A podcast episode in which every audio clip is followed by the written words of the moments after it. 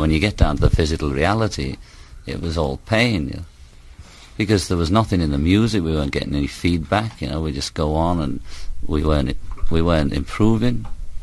We were just turning out the same old. We weren't even, half the time we just mime on the mic because your voice had gone and anything like that. The kids would just be howling. You'd get kicked, beaten up, walked into walls, hustled, pushed, and if the Beatles would split open the group a bit and have Yoko, Billy Preston, Bob Dylan, Eric Clapton, Elvis Presley in the group, I might be interested. You know. But as the Fab Four, I'm not personally interested in going out like that. Teen die einde van 1968 was dit reeds die begin van die einde vir die konings van rock and roll, die Beatles, nadat hulle die wêreld oorgeneem het met hulle musiek. Na die dood van die groep se oorspronklike bestuurder Brian Epstein in 1967, het Paul McCartney die posisie oorgeneem as die leier van die groep. Bewus van die probleme wat die groep ervaar het, het McCartney besluit om 'n projek te begin wat die groep iets sou gee om vir te werk. Die Get Back projek wat later die album Let It Be sou wees.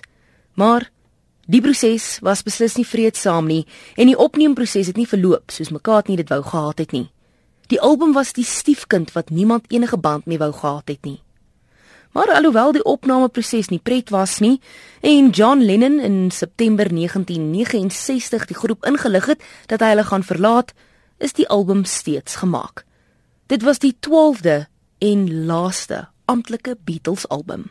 after Brian died, we collapsed. Paul took over and su- supposedly led us, you know. But what is leading us when we went round in circles? We broke up then. That, that was the disintegration. You know. The Beatles broke up after Brian died. We made the, the double album. The, the, the, the set. It's it's like if you took each track off and gave it all, put all mine and all yours. It's just like I told you many times. You know, just me and a backing group, Paul and a backing group, and I enjoyed it. You know. Die titelsnit van die album is geskryf deur Paul McCartney en hy sê hy het die idee vir die snit gekry nadat hy 'n droom van sy ma gehad het. Volgens McCartney het die verwysing na Moeder Maria nie iets met die Bybel te doen nie.